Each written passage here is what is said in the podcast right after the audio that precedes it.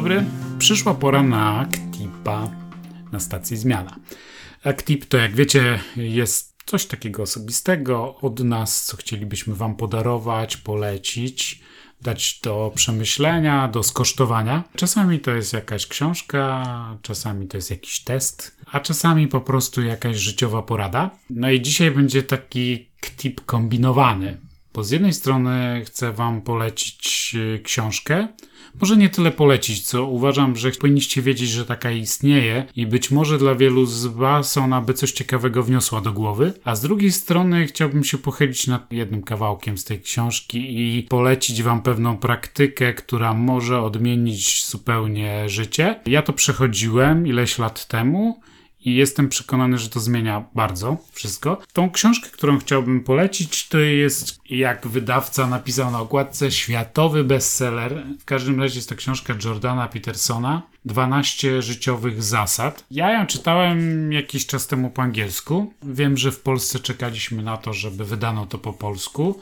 Droga jest 79 zł na okładce, cena to moim zdaniem jest bardzo dużo. Na coś, co za chwilę do tego dojdę, ale uchodzi za taki ja wiem, coachową raczej książkę. W każdym razie ta książka narobiła dużo szumu, a na pewno w mojej tak zwanej bańce, czyli wśród tych, których ja czytam na Twitterze, Facebooku. Na pewno ona zrobiła spore poruszenie. 12 rozdziałów, 12 zasad, w których Peterson tak garściami czerpie z dorobku kulturowego i świata, z europejskich myślicieli, z archetypów różnych kulturowych, ale też i z azjatyckich kultur, z Biblii, bardzo dużo z Biblii i z obrazów przekazanych ze starożytności, ale z tych takich obrazów biblijnych, które żyją w nas, znamy je z literatury, znamy je z lekcji polskiego, z lekcji religii. Kim jest Peterson? Peterson jest i filozofem, a jednocześnie jest psychologiem klinicznym, czyli jest terapeutą, jest praktykującym terapeutą.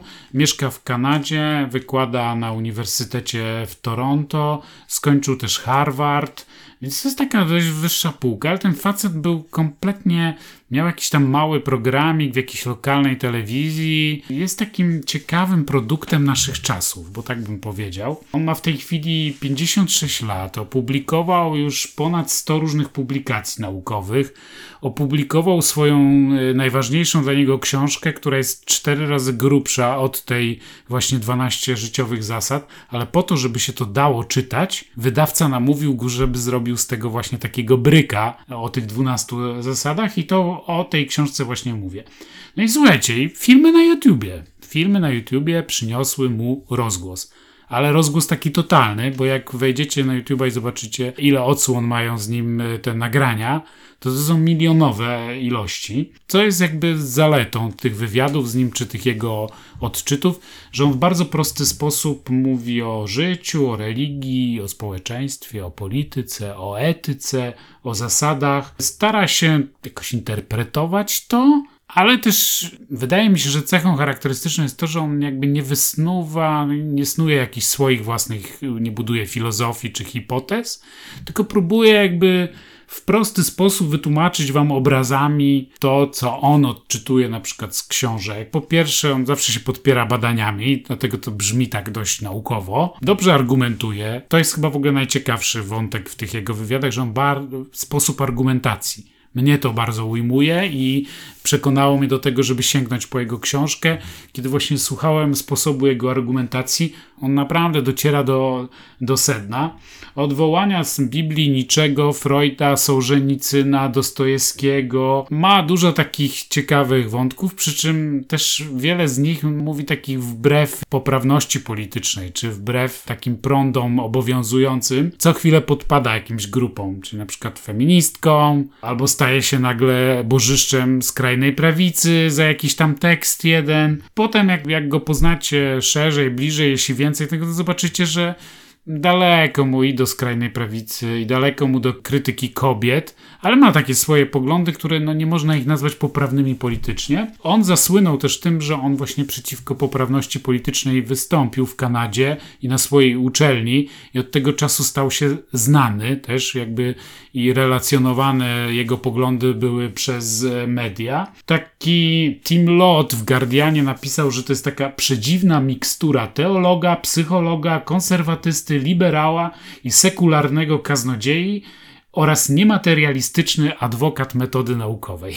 Myślę, że to jedno zdanie trochę oddaje. W każdym razie, potem jak ten spór wokół wolności słowa, bo on jednak stanął w obronie wolności słowa, uważał, że nawet takie poglądy, które są niepoprawne politycznie, w imię wolności słowa on ma prawo głosić i on się bardzo mocno postawił.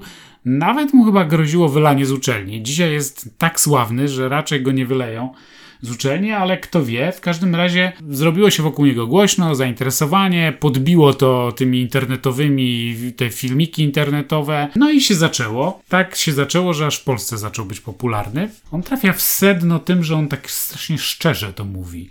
Jeśli zobaczycie z nim wywiad, ja spróbuję podlinkować taki jeden wywiad w notatce, to on też widać, że on, on, to mówi bardzo szczerze, on mówi to na podstawie swoich życiowych doświadczeń i że te życiowe doświadczenia nie były łatwe. Ten prawdziwy boom na Petersona zaczął się dopiero na początku tego roku, więc mówię wam o czymś, co jest jakby pewnym świeżym zjawiskiem, e, bo jesteśmy pod koniec 2018 roku. On po, na początku tego roku wystąpił w programie telewizyjnym w Channel 4 i tą debatę z nim obejrzano 10 milionów razy. E, w ciągu kilku miesięcy. Od tego, że zaczął się jego wielki sukces, to było pół godziny wywiadu, którym on streścił jakby te swoje poglądy i tam wrzucił teksty na temat tego, dlaczego kobiety i mężczyźni mają generalnie inny pułap płacowy w firmach. Swoje poglądy na ten temat wyraził. Odsyłam do wywiadu, nie będę tego relacjonował. Filozofia Persona jest też lubiana przez tak zwanych przegrywów. Luźne moje tłumaczenie z angielskiego. W angielskim jest takie słowo incele, czyli y, i celibatariusze, ale mimowolnie, czyli nie z własnej chęci, tylko dlatego, że po prostu nie mają partnerek, którzy tu, do których on kieruje swoje też przesłanie i tłumaczy im, dlaczego tak jest, jak jest. Czyli dlaczego oni są celibatariuszami. Y, no i mówię, w związku z tym podpadł i feministkom, i wielu różnym środowiskom. Jest autorem bestsellerowej książki, właśnie o której mówię, 12 zasad na życie. Te 12 zasad dały mu takie łatkę coacha, trenera trochę, bo on mówi wprost. 12 zasad, jak żyć dobrze. Nie idealnie, wręcz ten, ale tak po prostu, przeżyć życie dobrze. I to są na przykład takie zasady. Pierwsza jest pilnuj sylwetki, trzymaj plecy proste, ramiona wyciągnięte. Nie będę ich wszystkich mówił, ale na przykład bardzo mi się podoba czwarta zasada. Nie porównuj się z tym, kim inni są dzisiaj, ale z tym, kim ty byłeś wczoraj, na przykład. Bardzo Wydaje mi się, że prosta zasada, którą on wyjaśnia, każdą z tych zasad nie, nie trzymajcie się zbytnio tych nazw, zajrzyjcie bardziej głębiej w nie. Nie pozwól swoim dzieciom robić niczego, co wzbudza Twoją niechęć. Taka fajna zasada, według której łatwo oceniać, na co można dzieciom pozwalać, a na co nie. I on podaje dość prostą receptę, która moim zdaniem no, brzmi dość dobrze, intuicyjnie i wydaje się, że można by się nią było kierować.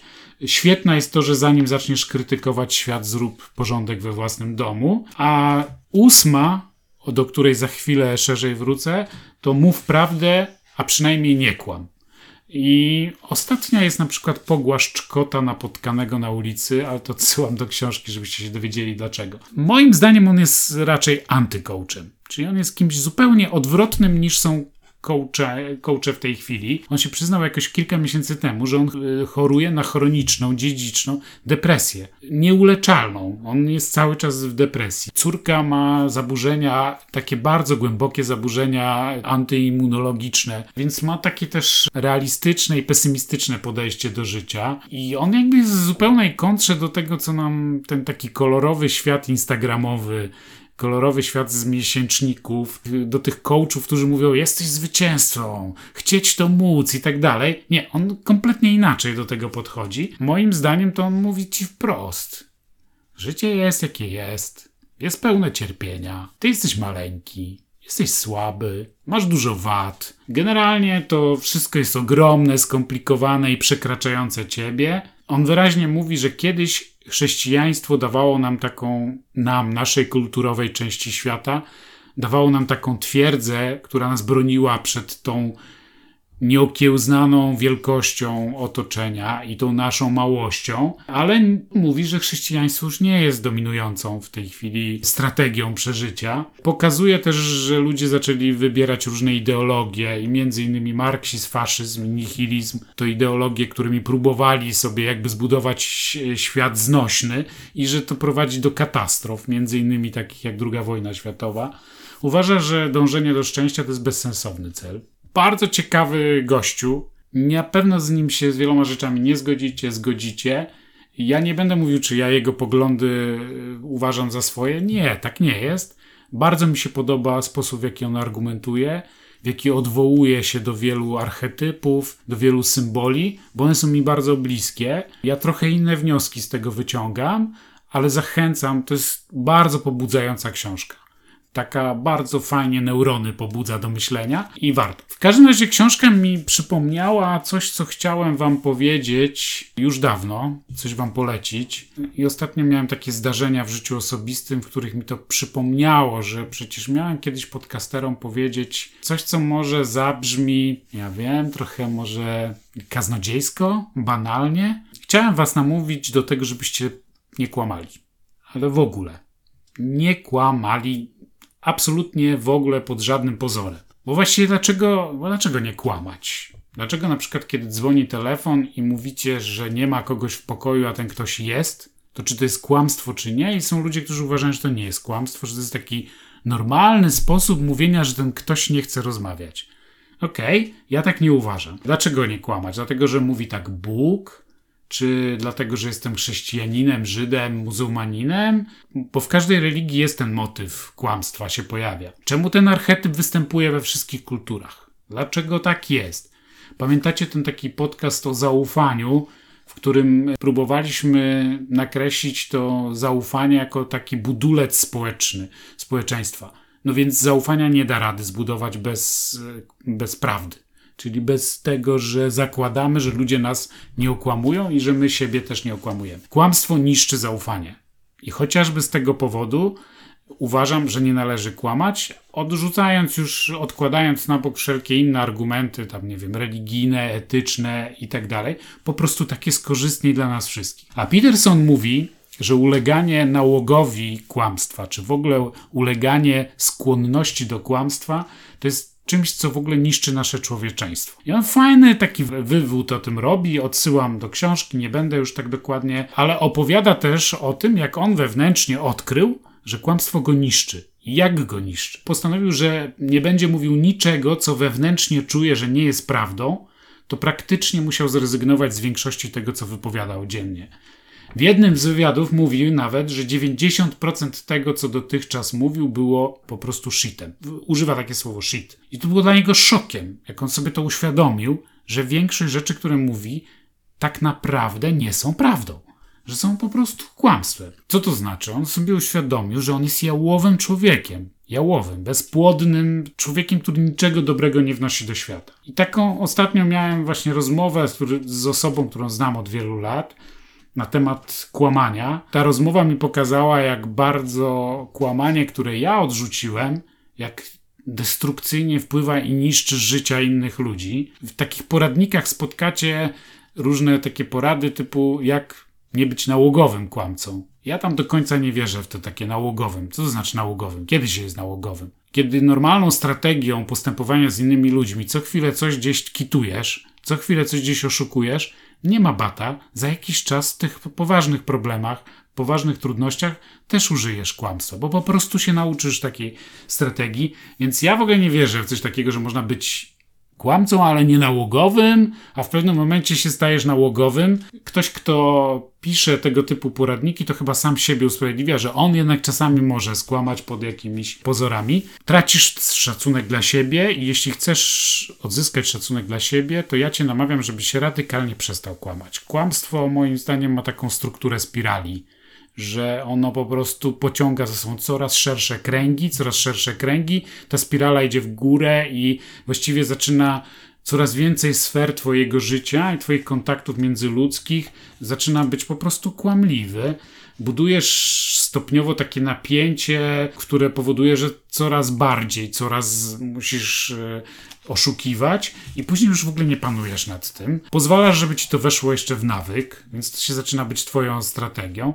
I ludzie kłamią z wielu powodów, ponieważ często się boją. Boją się, że będą wyglądali nie tak, że się ktoś nimi nie zainteresuje albo niewystarczająco się zainteresuje. Nie mogą niektórzy znieść myśli, że nie są tacy, jak sobie wyobrażają, że są, albo że inni by oczekiwali, że są. Mówią innym to, co według nich ta inna osoba chce usłyszeć. Straszne, ale tak jest. Czasami się po prostu, nie wiem, nudzą i chcą podbarwić życie, chcą je uczynić jakimś bardziej ekscytującym. Zwłaszcza media społecznościowe dostarczyły nam fantastycznego narzędzia do okłamywania innych o tym, jak wspaniałe, jak ekscytujące są nasze wakacje, nasze życie. Chcą dobrze wypaść, albo zachowują się jak politycy, którzy mają jakieś afery czy oszustwa na koncie, chcą coś zatuszować, albo mówią na przykład, że chcą chronić czyjeś uczucia, albo chcą kontrolować innych ludzi. Nie? Moim zdaniem uciekają przed realnym życiem i uciekają przed zmierzeniem się z realnymi problemami. Kłamanie jest tak łatwe jak oddychanie. I po pewnym czasie po prostu nawet nie wiecie, tak jak nie wiecie, że oddychacie, nie zdajecie sobie sprawy, to w pewnym momencie po prostu non-stop kłamiecie. Znam takich ludzi, którzy non-stop kłamią i za każdym razem jest mi ich żal, kiedy ja ich na tym łapię i kiedy oni nie potrafią powiedzieć, skłamałem, no znowu skłamałem, no nie mogę sobie z tym poradzić. Ja czekam cały czas, że oni do tego dojrzeją,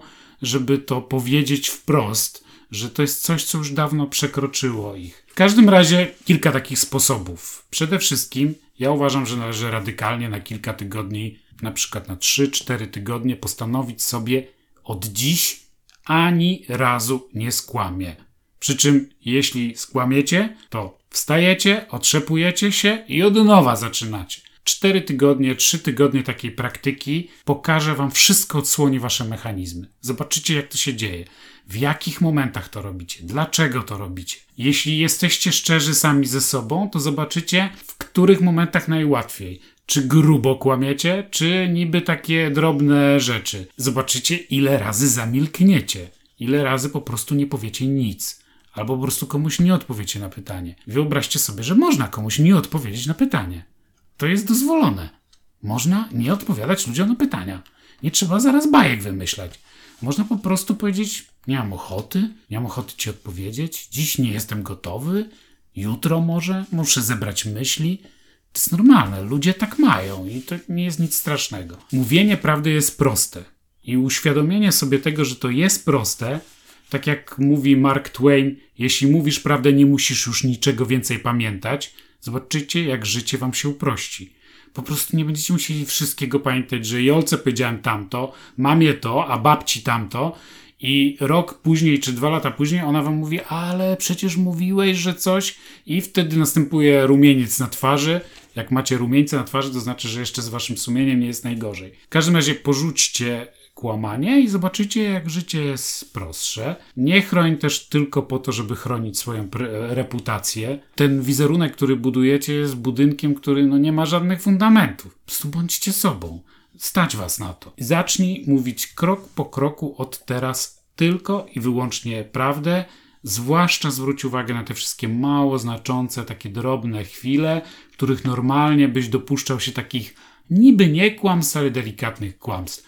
Tak, nagraliśmy kiedyś taką rozmowę z człowiekiem, który zawodowo się zajmuje mową, słowami. Profesor, który mówi o nazywaniu. Ja uważam, że Pierwszy etap to nazwać to, co jest do nazwania kłamstwem. Trzeba nazwać kłamstwem, a nie owijać to w bawełnę i w pazłotka, że to są coś tam, że to grzeczność, że to coś i tak dalej. Ostatecznym odkryciem, które dokonacie, to zobaczycie, że kłamstwo wam zapełnia pewne potrzeby emocjonalne. Każdemu inne. Ja myślę, że warto dla tego odkrycia to zrobić, żeby zobaczyć, co właściwie nam brakuje, o co nam właściwie chodzi i dlaczego my w to brniemy, bo to będzie bardzo dla Was duże odkrycie i ono Wam zmieni życie. Ja mogę tylko powiedzieć, że ja kiedyś przeszedłem taki proces. To nie było łatwe.